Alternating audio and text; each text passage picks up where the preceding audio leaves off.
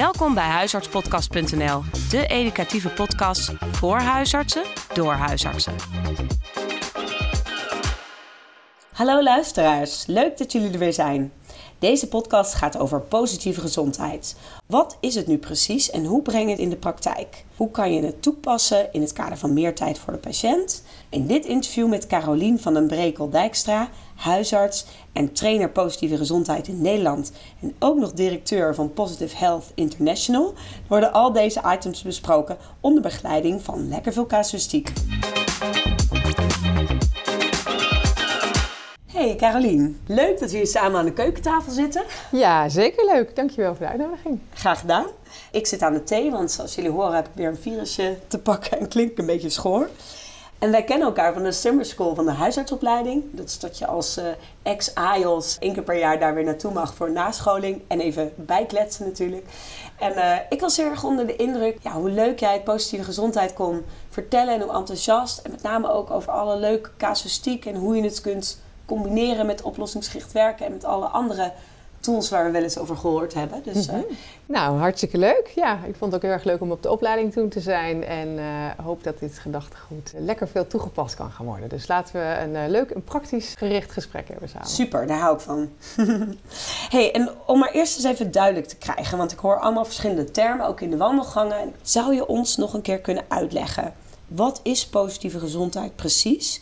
En hoe moet ik het zien in relatie tot de andere termen? Dus dan heb ik het over bijvoorbeeld het andere gesprek, het vier domeinen model, oplossingsgericht werken, welzijn op recept. Nu hoor je ook tegenwoordig vaak herstelondersteunende intake. Zou je ons daar wat over kunnen uitleggen?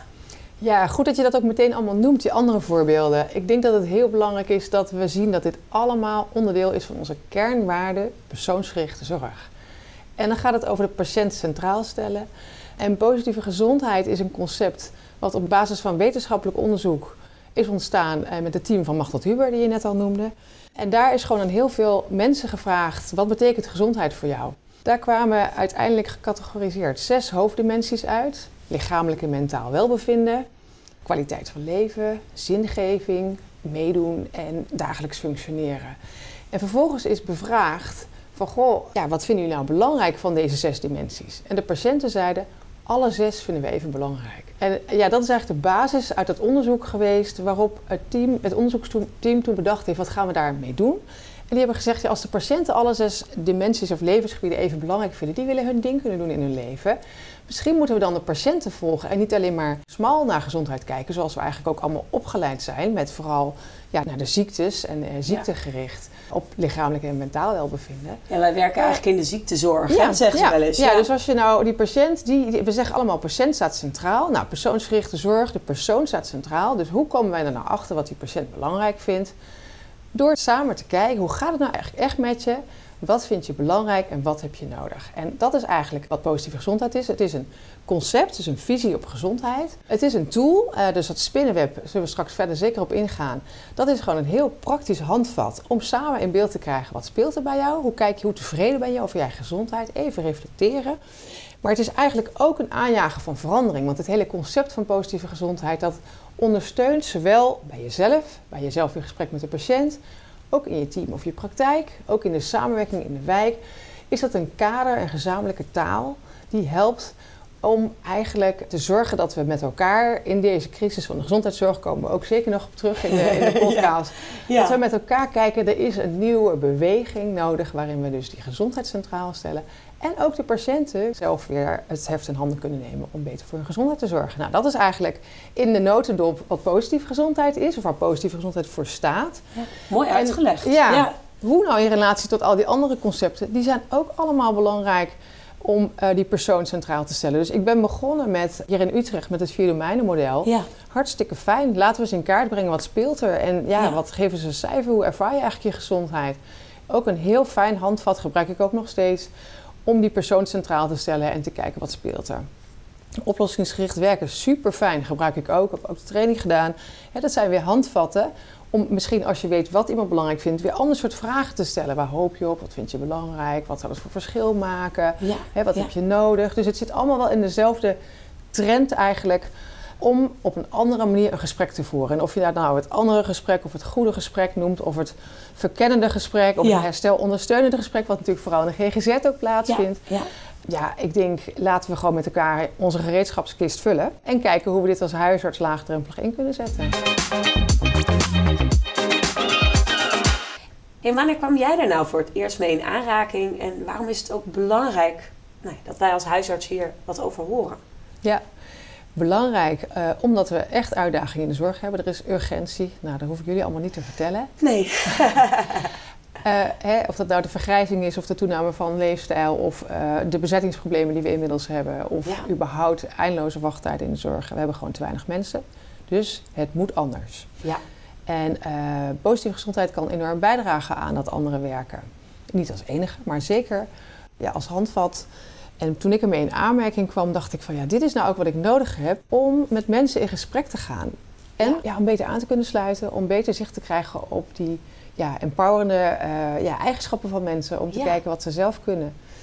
En eh, dit was in de tijd dat ik, eh, ja, ik denk ongeveer 2015, dat ik zelf heel erg actief met preventie bezig was. En ik merkte dat preventie bij huisartsen, en ik weet niet of dat wel iets veranderd is, maar dat het toch echt was, oh, er komt er nog weer iets bij.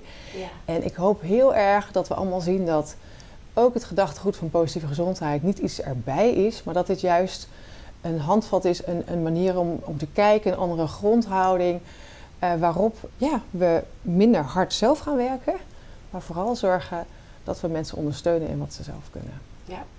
Eigenlijk een win-win. Ja, Precies, ja. En dat hebben we nodig in de zorg. Ja, Precies. heel goed. En wat heeft dit jou nou gebracht? Ja, wat het mij gebracht heeft, is het brengt heel veel meer lichtheid. Ja. Ehm, het voelt de zwaarte van iedereen die alles op je bordje gooit. Dat herken je vast wel. Dat Ja. je op een gegeven moment denkt, oh, daar komt die patiënt weer. Want die, daar speelt zoveel in iemands leven. Ehm, met het werken met positieve gezondheid merk ik dan nu dat ik nieuwsgierig ben. En dat ik eh, ook zoek van, goh, wat kan die persoon zelf? Hoe kan ik iemand helpen in het eh, ja, eh, vinden van die eigen aanknopingspunten? Dus het heeft mij lichtheid gebracht in het spreekuur. Het brengt mij ook heel veel dankbaarheid. Dat ik echt wel het gevoel heb ja, dat mensen zelf oplossingen vinden. Eh, dat ik veel intensere gesprekken heb. Dat mensen mij meer toevertrouwen. Dat, ik, dat we ingangen vinden die mensen zelf aanzet. Het geeft me meer eh, werkplezier. Ja. Ik vind het ook, het is niet alleen positieve gezondheid, het is ehm, tijd voor het andere gesprek. Dus echt die meer tijd voor de patiënt is een middel. Hè? Dus het is niet een doel op zich. Het is een middel dat we ruimte krijgen om met die mensen waar het nodig is, ja, echt het andere gesprek te voeren. Maar er zijn ook andere dingen nodig, want je wil ook bijvoorbeeld met e-consulten, de digitalisering is ook belangrijk om mensen die snellere dingen eh, nodig hebben in de praktijk of enkelvoudige problematiek, dat die niet meer allemaal ons spreekuur eh, bezetten. Anders werken, hè, dus de elementen van meer tijd voor de patiënt, digitale ondersteuning, eh, digitaal als het kan. Maar als je mensen in de praktijk ziet en er speelt van alles, dan kan positieve gezondheid enorm bijdragen om zicht te krijgen op ehm, wat die patiënt zelf kan. En dat maakt het spreekuur lichter. Super. Ja, en bij welke patiënten zet je dit nou in? Ja, dat kan eigenlijk in de hele levensloop. Het spinnenweb is vanaf acht jaar beschikbaar tot en met nou ja, het einde van het leven. Eh, dus ik doe met kinderen, met jongeren, jongeren met mentale problemen. De GGZ is sowieso ook het echt een onderwerp. Burn-out, angst, depressie. We doen het bij vooral de chronische zorg. Verloskundigen werken daar overigens ook mee. Hè? Dus je zou je kunnen voorstellen, hè, je bent zwanger en eh, je wordt ouder. En Ja, eh, ja, hoe zie je dat? Ja, hoe, Ja. hoe ziet het eruit met je balans? Leefstijlgesprekken, ouderenzorg. Ja, dus eigenlijk het hele scala. En Ja. ja, ik doe het, zet het soms in als kennismaking. Dat vind ik ook heel fijn, want je krijgt natuurlijk alle medische gegevens. Je krijgt de medicatie in je dossier. Maar dan zeg ik, goh, zou je het spinnenweb in willen vullen? Het liefst heb ik al dat de assistente dat bij de introductie al erbij zegt. Van, Dat is een goh, leuk zo idee. werken wij Ja. hier. En het aardige is dan, ik zeg, nou, ik heb je medicatie, je ziektes. Maar ja, wat is nou eigenlijk belangrijk voor jou? Want ik vind het als huisarts belangrijk om te weten eh, wat het toe doet. Ja. Hoe ik voor je kan zijn. Maar ook wat je zelf kan en wil. En dat is eigenlijk een heel, heel leuke ingang. Verder heel vaak terugkerende medische klachten. Nou, ehm, ik heb nog een andere podcast opgenomen, de innovatieve huisarts. Daar vertel ik over moeheid, ook hoe je het in kan zetten. Ja. Regelmatig terugkerende hoofdpijn, duizeligheid. Nou, eigenlijk dus heel vaak. ja, Veel vaker dan we denken. grappig. En dus heel veel overlap ook eigenlijk met dat oplossingsgericht werken. Dus alles wat niet enkelvoudig probleem is, wat makkelijk te fixen is, Nou, daar kan je ook de positieve gezondheid op loslaten. Ja. Als ik jou zo een beetje hoor. Nou ja, maar zelfs, ik bedoel, gisteren had ik iemand met griep en die, dat duurde wat lang voordat ze weer opknapte. En ook toen zeiden ze van, goh, hoe kan het nou eigenlijk dat, het- dat het wat langer duurt? En toen vroeg ik, goh, speelt er veel in je leven op het moment? En eh, Ja. uiteindelijk was dat een ingang voor, nou, eigenlijk best wel. Want eh, ik denk dus dat ik daardoor ook wat minder weerstand heb. Dus ik zei, goh, wil je daar eens naar kijken wat allemaal speelt? En ik heb achter mij in de spreekkamer het spinnenweb hangen. En toen Ja. zei ze, ja, ik zag het al in de wachtkamer. Weet je, we hebben daar een filmpje. Ja, misschien moet ik dat eens invullen. Want eigenlijk denk ik wel, wat ik weet waarom ik minder weerstand heb. Want nou, nee, ik heb gewoon heel veel levensevents op dit moment. En Ja. het is hartstikke hectisch. Dus logisch dat mijn lijf aangeeft eh, dat ik misschien nog eh, wat meer rust moet nemen. Dus zelfs bij een griepje Super. breng ik heel vaak dit Ja. gesprek toch nog op. Zelfs bij enkelvoudige problematiek, ja. ja. Nou, wat goed om te horen. En heb je misschien wat leuke casuïstiek voor ons, dat het wat meer gaat leven? Eh, ja, zeker. Nou, ik zou bijvoorbeeld bij kinderen, daar denk je heel, ik weet niet of jullie dat ook hebben, maar ja, als een kind met buikpijn komt, dan denk je heel vaak van, goh, nou, wat moet ik dat mee? Ze maken zich ook heel vaak zorgen, vooral de ouders natuurlijk. Ja. Kinderartsen geven ook heel vaak terug. Ik denk dat bijna altijd functioneel is. We hebben genoeg vakkennis om echt eh, alarmsymptomen eruit te halen. Of wanneer we echt ook medische verder diagnostiek nodig is. Maar hoe krijg je nou goed zicht op wat speelt er? Ja. En dan gaan we vaak als huisarts een beetje vissen van... Goh, en hoe is het op school? En eh, hoe is het thuis? En Herkenbaar, iets? ja. En wat ik nou zo leuk vind aan positieve gezondheid... is dat je dus dan niet vanuit jouw perspectief gaat kijken... wat heb ik nodig om erachter te komen wat er kan spelen... Maar dat je dus het kind en eh, de ouders in actie zet... door bijvoorbeeld het spinnenweb te geven... en te Ja. vragen van... Goh, zullen we eens kijken hoe het eigenlijk breder met je gaat...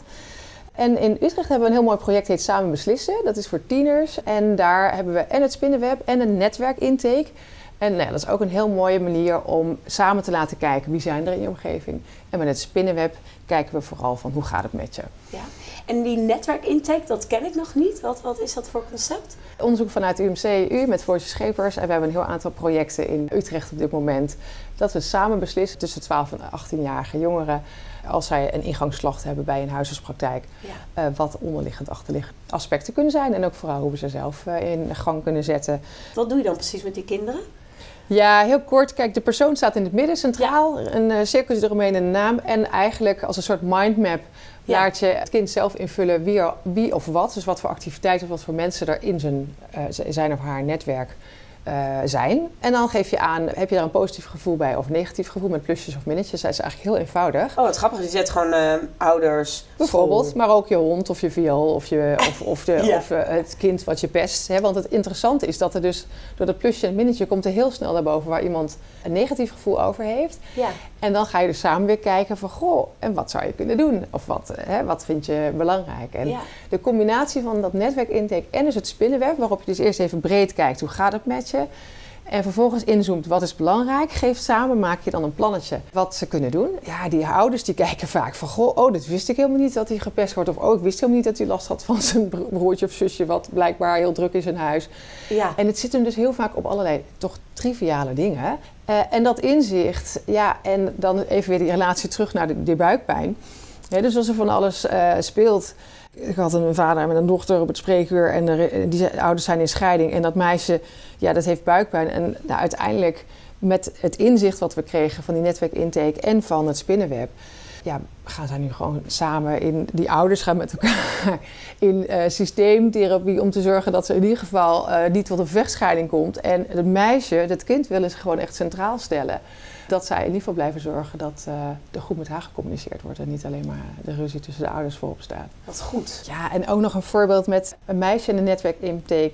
Het gesprek eh, werd al heel snel duidelijk dat de, de broertjes die ze had, twee jongere broertjes, dat ze Ja. daar een minnetje had en dat die moeder zat te kijken van, huh, hoezo? En het bleek dus dat de ingangsvraag was van, goh, het meisje, is het meisje depressief? Want eh, ja, ze trekt zich zo terug en ze zit de hele tijd op de kamer met de oortjes in. Ja. Maar toen die moeder ook inzicht kreeg van, goh, eh, blijkbaar is er in onze familiedynamiek iets waar onze dochter zich heel erg aan stoort, moeten we het daar samen thuis maar eens aan de keukentafel over hebben. Dus dat was ook wel echt een heel leuk Oh, wat eh, grappig. Dus inzicht. doordat die broertjes zo druk zijn, ging zij zich afsluiten met haar oortjes in op de kamer. Ja, En helemaal niet omdat ze depressief was, maar omdat het gewoon te veel... eh, ja, Ja, het is snel overprikkeld wel. Ja, het is echt wel boeiend wat voor dingen er dan soms boven komen. Echt wel, uh... ja, dat was wel confronterend. Ja, dat kan me voorstellen. Ja, ja. Eh, ik had toen ook op de summer workshop zo'n mooi voorbeeld van een meisje met uh, diabetes en buikpijn. Waarbij die moeder zei, er moet iets uitgezocht worden. En vervolgens had het meisje het spinnenweb ingevuld. En die kwam erachter dat zij dus eigenlijk heel graag bij vriendinnetjes wilde logeren. Of bij vriendinnen zijn, maar dat mocht niet van de moeder. Omdat hij zo bang was met, met de insuline. Ah, dat ze niet dat los durfde te laten. En uiteindelijk ging die moeder naar een POA GGZ om zich te krijgen op hoe kan ik omgaan met mijn dochter met, met diabetes. En dat meisje, ja, die had echt zoiets van, goh, nu meer mensen weten hoe ik mijn diabetes uh, in de gaten kan houden, heb ik weer meer ruimte en vrijheid om ook met vriendinnen dingen te kunnen doen. Dus ja, dat zijn, het is heel leuk dat je heel vaak verrassende uitkomsten krijgt op een terrein waarvan je denkt, als je alleen maar puur medisch kijkt, ga je alsmaar in dat medische oplossen. En kennen wij vaak alleen maar de lijn van specialist. Hè? Dus als je denkt, oh, ik weet het even niet, nou laten we toch maar verwijzen, want nou ja, eh, ze willen wat en ze hebben een zorg. Ja. Uh, maar die, ja, daar liggen dus heel vaak de antwoorden niet. De antwoorden liggen in de mensen zelf. En ja, het is heel leuk dat je wat meer tools krijgt om samen te kijken. Want je hebt daar echt wel een belangrijke rol. Je bent een vertrouwenspersoon. Je hebt en die medische kennis en dus de context. En dan het handvatten om met mensen zicht te krijgen wat ze, uh, hoe je hun kan ondersteunen. Heel mooi. Zelfzorg, ja. En heb je nog een voorbeeld bij volwassenen waarvan je zegt, ja. maar dat, uh, dat herinner ik me nog, dat was ook mooi. Nou, ik noemde net toevallig even die griep. Ik had ook een Australische dame, weet ik nog, die met griep kwam. Nou, de, ik zag meteen dat ze overgewicht had. Ik ben ja. een leefstijlminer dokter, dus ik maak het altijd bespreekbaar. Dus ik zei tegen de, na het consult, god, valt me op dat je overgewicht hebt, wil je daar wat mee? Ja. En toen begon ze te huilen. Toen zei ik, oh jee, sorry had ik het niet mogen zeggen. En toen zei ze, nee, ik ben zo blij dat je het aanspreekt. Ja. Hè, nou, daar hadden we het in die summer school volgens mij ook over. Dat ligt toch altijd een beetje bij de, bij de dokter zelf van... oh jee, uh, nou, hoe begin ik daarover? Ja. Uh, uit onderzoek weten we dat 90% van de patiënten verwacht dat je daar ook over begint. Dus één, breng het gewoon op en check in wat, hebben ze, wat, wat willen ze ermee. Nou, zij wilde er graag over in gesprek. Ik had haar positieve gezondheid meegegeven en het leefstijlroer om thuis al naar te kijken nieuwe afspraak gemaakt. En vervolgens had ze dat ingevuld en toen zei ze: Nou, ik heb nu al zoveel zicht op wat er allemaal met elkaar te maken heeft. Ze had een mega-event met een kind wat ze wil, hè, met een IVF-traject, wat uiteindelijk niet meer werkt. En wat afgesloten was. Er waren dingen, er waren allerlei andere live-events eh, op het werk. En toen dacht ze, ja, het is ook logisch dat ik zo moe ben. En het is ook logisch dat ik dus zo langzaam herstelde van mijn griep. Dus dat was ook voor haar weer even zicht. En nou ja, met het gesprek over positieve gezondheid en over wat, wat er toe deed voor haar en waar zij een klein stapje zou kunnen zetten om te beginnen, maar ook wat er in, in de weg stond. Ja. kwam zij tot de conclusie dat ze eigenlijk fitter wilde zijn. Dat ze heel graag het ochtendwandelen weer op wilde pakken. Want dat was iets wat ze vroeger heel graag deed. Maar nu dat is een goed idee. Nu ze een kind had, kwam dat er niet van. Want ze moest eerst alles ochtends thuis regelen. En toen vroeg ik haar, goh, is er iets wat je zou kunnen doen dat je dit wat je zo graag wil, dat het toch kan lukken? Ja. En toen duurde het heel lang. En toen zei ze, ja, ik zou mijn man kunnen vragen. Ik, ja, goh, eh, zou kunnen, ja. ja. en, eh, en toen zei, uh, zei ze van, ja, op een of andere manier is ze gewoon helemaal ingeslopen dat ik dit altijd doe. Maar toen zei ik, nou, is het moeilijk om je man te vragen? Toen zei ze, nee, um, ja, ja, wanneer ga je het dan doen? Want ik vind het altijd heel belangrijk om elke stap die ze bedenken ook concreet te maken. Ja. Liefst meteen binnen één of twee dagen een klein stapje. Ja, ja, nee, ik kan hem vanavond eigenlijk wel vragen. Staat er nog iets in de weg? Nou, eigenlijk alleen maar bij mezelf dat ik het lastig vind dat ik het, hè, dat ik het dan niet meer zelf kan. En toen zei ik, maar ja, wil je het graag? Ja, ik wil het heel graag. Oké, ik ga het doen. Nou ja, ze kwam dus op een gegeven moment, ik vraag altijd mensen terug te komen. Zeker in het begin als je met positieve gezondheid begint te werken. Ja. Dat je ook even weer terug hoort uh, wat iemand ermee gedaan heeft. Twee weken later kwam ze terug. Ze had, zelfs ze had net de ochtendwandeling gemaakt, helemaal stralend. En toen zei ze, ik ben zo blij ik uh, heb het nu al opgepakt. Ik doe het al twee of drie keer in de week. Mijn man zei: Natuurlijk wil ik dit doen. Ik wil toch graag dat jij fitter bent. Dus als dit jou kan helpen. Nou ja, dan denk je ook. het is zo'n klein stapje. En het is zo leuk dat ze het dus eigenlijk zelf heeft bedacht. Precies. Je moet wel heel lang stil zijn zelf als dokter om niet in te gaan vullen. Als je zegt, wat is nou moeilijk hieraan? Aan positieve gezondheid, dan is het dat wij gewend zijn om heel snel ja, toch iemand te willen helpen. Ja. En dat we heel snel gaan invullen met allerlei adviezen en eh, goed bedoelde programma's, ideeën. Zou je niet dit of kun je niet dat? En daarom hebben we dus Twee meer tijd minuten. voor de patiënt nodig. Om even op onze handen te kunnen zitten. En je mond dicht en luisteren. Ook dat het onaangenaam stil wordt. Hè? Dat je even denkt, oh jee, gaat er wat komen? En dan? Nog even stil zijn. Wat knap dat je dat kan. Ja, dat is ook best lastig. Bij mij gaat het ook steeds beter. Ja, want gemiddeld blijken, weet je hoe snel mensen onderbreken? Ja, 13 seconden toch? Ja, zoiets. Ja, Echt ja. tussen de 12 en de 16 seconden hebben we de eerste vraag gesteld. Ja. Ja. En het gaat niet over goed of fout, hè, want ik vind het heel belangrijk. We hebben het gewoon zo geleerd. Dus ons brein doet dit. En ja, mijn tip of mijn, mijn ja, advies zou zijn... Nee, niet advies, gewoon tip. Eerst maar eens even twee minuten luisteren. Het onderzoek blijkt dat mensen 80% van het verhaal al verteld hebben. Ik vraag ook nooit meer als eerste zin... wat kan ik voor u doen? Hè, want dan impliceert het dat jij iets voor iemand gaat doen. Dat wij iets gaan doen. Dat wij ja. iets gaan doen. Ja. Dus ik vraag hoe gaat het met je? En of, of wat is de vraag waar je vandaag mee komt? Ehm, nou ja, ik, we kunnen eindeloos veel beginvragen hebben. Met de AIOS Ja. ook over gehad van de week. Ehm, Vertel. ja. ja, het is heel goed om daarbij stil te staan. Echt eerst even luisteren.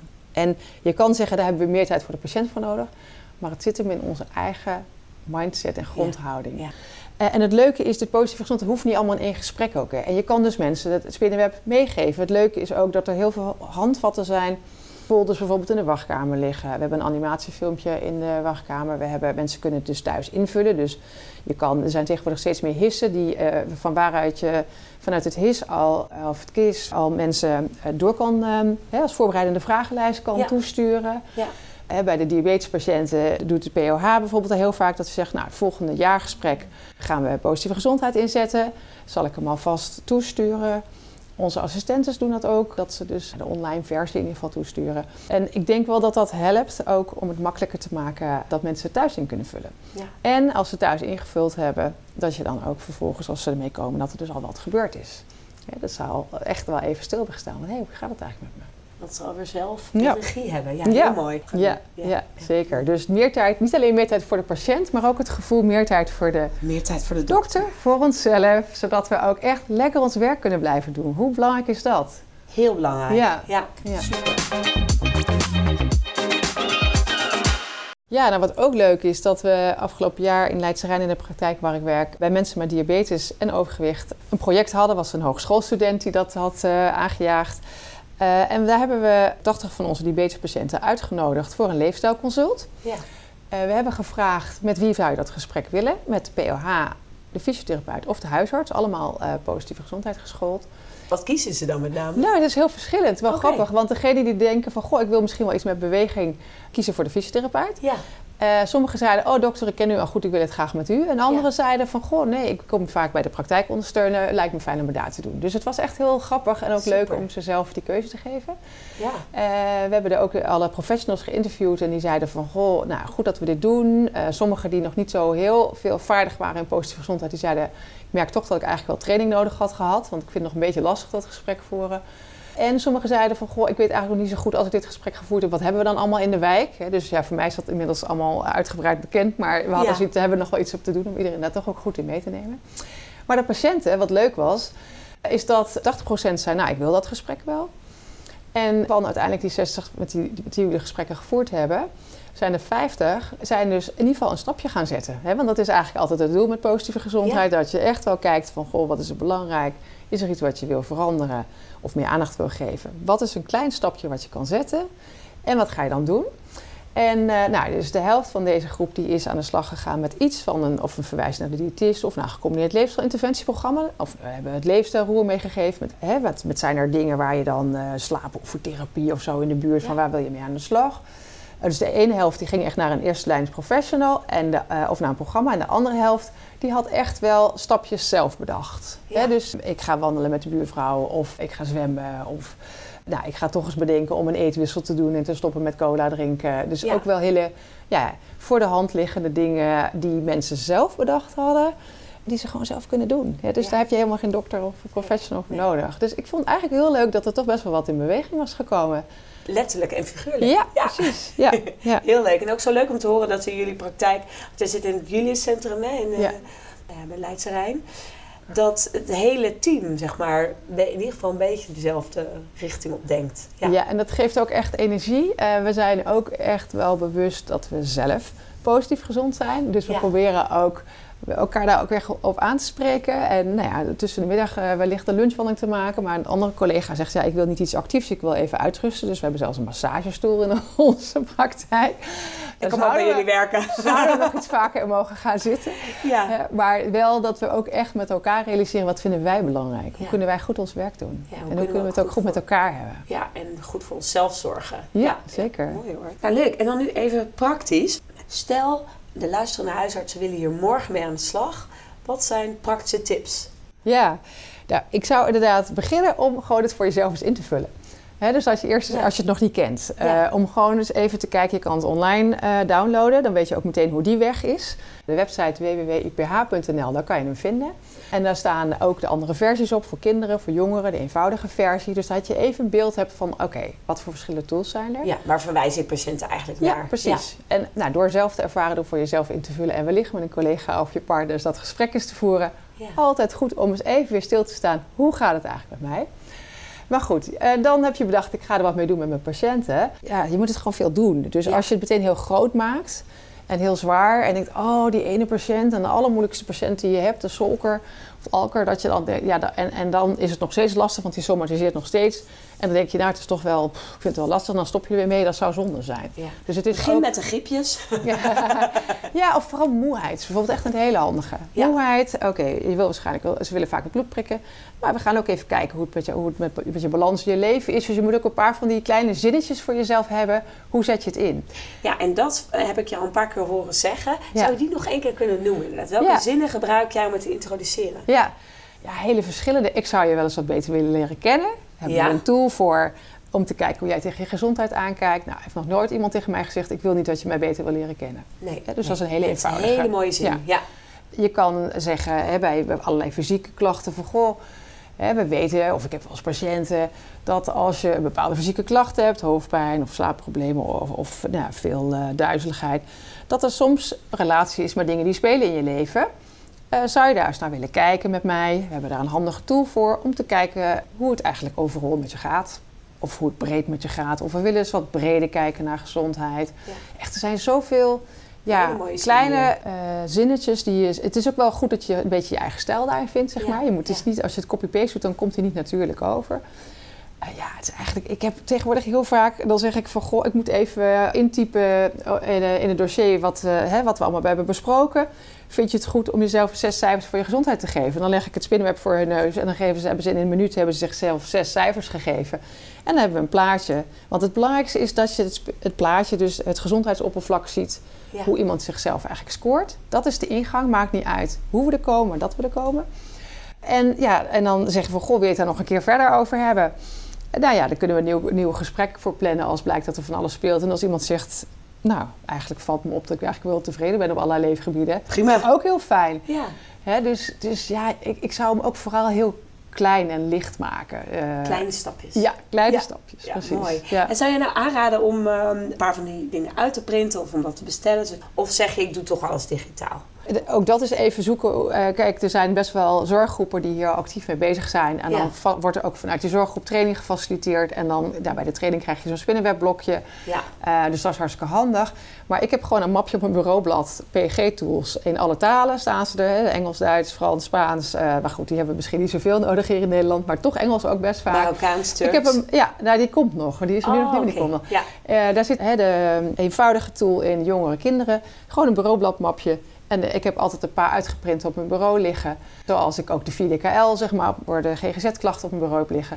Iemand met burn-out zeg ik volg voor de volgende gesprek en 4DKL en positieve gezondheid invullen. Nou, is echt super. Als ze dan terugkomen, heb je zoveel informatie. En daar hebben ze er zelf ook heel erg over nagedacht. Ja, ja. en 9 van de 10 keer zie je dat er heel veel distress speelt. En vervolgens ga je kijken naar dat spinnenweb. zeg je, nou, vertel, hè, wat zie je? Want ja. volgens mij speelt het gewoon heel veel in je leven. Dus jouw mapje PG is niet meer psychogeriatrie, maar positieve gezondheid op je bureau. Ja. Ja. ja, wat goed. Ja. Dus dat is in ieder geval een hele handige tip. En, en print er gewoon een paar uit, want dan kan je hem net even makkelijker dat je denkt van, nou nu zet ik hem in. Ja, goede tip. En als ik me nog goed herinner van de workshop, als ik dan een patiënt terugkrijg die het spinnenweb heeft ingevuld, dan moest ik eigenlijk de volgende drie vragen stellen.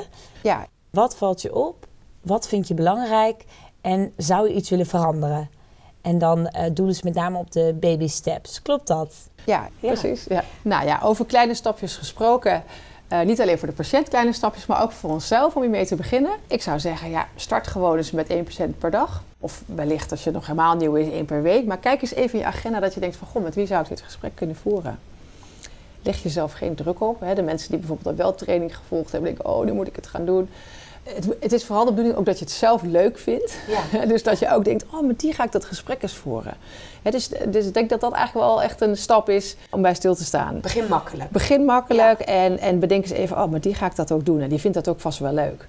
Vervlecht de aanpak ook met bestaande dingen die er al zijn. Dus het is niet weer iets nieuws erbij. Jullie doen onwijs veel dingen. Er zijn onwijs veel projecten, programma's, et cetera. En daar past dit als middel heel goed in. Of het nou over de ouderenzorg gaat, kan je prima inzetten voor ouderenzorg. Of je nou met, uh, met, met jeugd bezig bent of met de chronische zorg, ja. Uh, de flexibele diabeteszorg. Ja, voer eens een keer zo'n gesprek.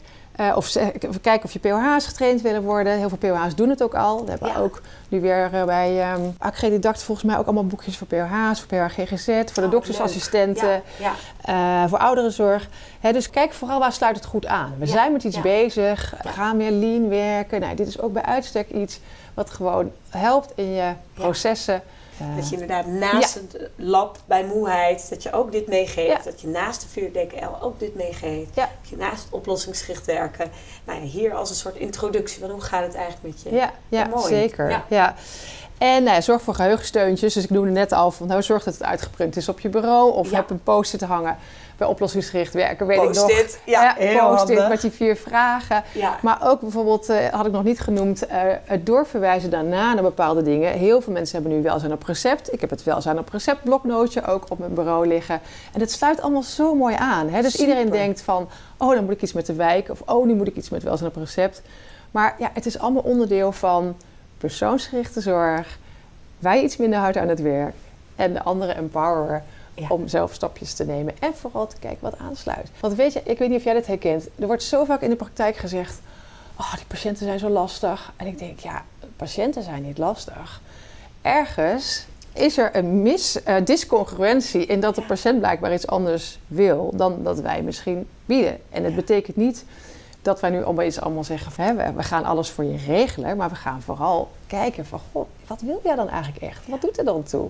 En wat kun je daar zelf in doen? En wat, ja, ja en, en, maar ik vind het zo leuk, ik ben altijd op zoek en daarom word ik ook zo blij van dit concept. Ja. Is uh, als ik gevonden heb waar iemand zijn ogen van gaan sprankelen, dan denk ik, yes, ik heb hem.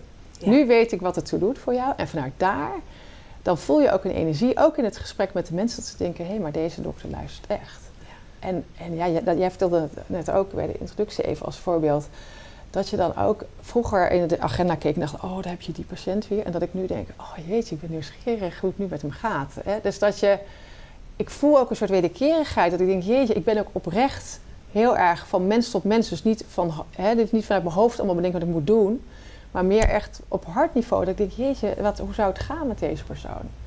Echt wel oprecht interesse. Oh, wat mooi dat je dat zo noemt. Ik vind dat heel herkenbaar. Ja, ik doe dan nu alleen nog maar dat oplossingsgericht werken. Maar daar kijk je natuurlijk ook naast je niet-pluisgevoel ook naar het, uh, ja, eigenlijk het sprankelmoment. Dus dat inderdaad die ogen gaan stralen en dat ze zeggen waar ze eigenlijk goed in zijn. Of wat ze heel graag willen. Ja, waar ze heel erg blij van worden. En dat is, dan heb je zo'n ander gesprek. En dan echt je hele spreker leuker. Ja, echt, absoluut. Uh, zou dat iedereen ja. gunnen. Dus, ja. ja, dus jongens, het positieve gezond is allemaal helemaal niet heel verschrikkelijk ingewikkeld. Nee. We hoeven het ook niet allemaal te gaan doen als je er niks mee hebt. Ook prima, weet je. Ga vooral kijken. Vrienden.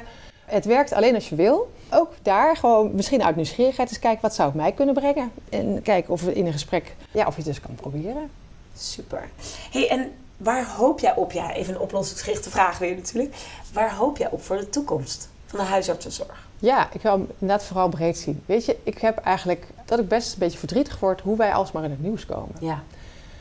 Uh, ik zou zo graag willen dat niet iedereen denkt: oh, die dokters die zijn er niet meer of die hebben het alleen maar druk. Of, eh, ja, ik zou zo graag ook naar buiten toe zeggen: van joh, eh, wij zijn een bevlogen groep professionals. En dat druk, ja, ik heb besloten, ik, ik gebruik het woord niet meer. Nee. Als iemand mij vraagt in de wacht, zeg, oh dokter, u heeft zo druk dan zeg ik van, ik heb een gevulde agenda met dingen die ertoe doen. En ja, dat is ook waarom ik Dat is dankbaar een ben. mooie zin, wederom. Ja. Ja. Eh, en dat is ook waarom ik dit werk zo leuk blijf vinden. En ook waarom ik hoop dat jonge dokters niet straks denken... "Pff, nou, dat uh, wespennest, daar, daar, daar stap ik niet in. Jongens, eh, ja, dit is gewoon, het blijft gewoon een, een mooi vak. Het blijft een vak waar, denk ik, ja, laagdrempelig beschikbaar... Prachtig die twee sporen. Dus nou ja, echt kijken, vakkennis. Wat, hè, wat is filter, uitpluizen? eh, is, moet er medisch diagnostisch iets? Analytisch, zeg maar. Ja. ja. Maar ook juist dat contextgerichte, brede, mensgerichte. En die beide dingen, die horen gewoon bij ons vak. En ja, ik hoop dat positieve gezondheid er aan bij kan dragen. Dat het voor iedereen wat lichter wordt, want we hebben inderdaad uitdagingen. Maar die kunnen we zeker met z'n allen aan. Super. Ik merk ook, het wordt echt alleen maar leuker. Hoe meer je de patiënten leert kennen, hoe meer je ja, de, eigenlijk het andere gesprek voert, hoe leuker het wordt. Ja, en eh, wat, misschien nog, wat ik ook wel leuk vond, is ik stond eh, van de zomer Machtel Huber, dus oprichter van Positieve Gezondheid op het Wonka-congres Ja, als keynote ja. speaker. En daarna had ik eh, een aantal workshops. En ik merkte dat er ook internationaal heel veel interesse is dat mensen zeggen van dit is wel iets waar we echt naar op zoek zijn. Ja. In dus het vastzitten van de crisis van de zorg. Ja, het was echt leuk om te merken dat, het niet, eh, dat we ook trots mogen zijn dat het hier in Nederland zeg maar, gestart is met positieve gezondheid. Wordt natuurlijk vaak gezegd, is er genoeg onderzoek? We zijn begonnen met practice-based. Inmiddels hebben we 60 artikelen, er komt ook een rapid review over zowel eh, het concept zelf als de implementatie, als nou ja, hoe kan je ook erop monitoren.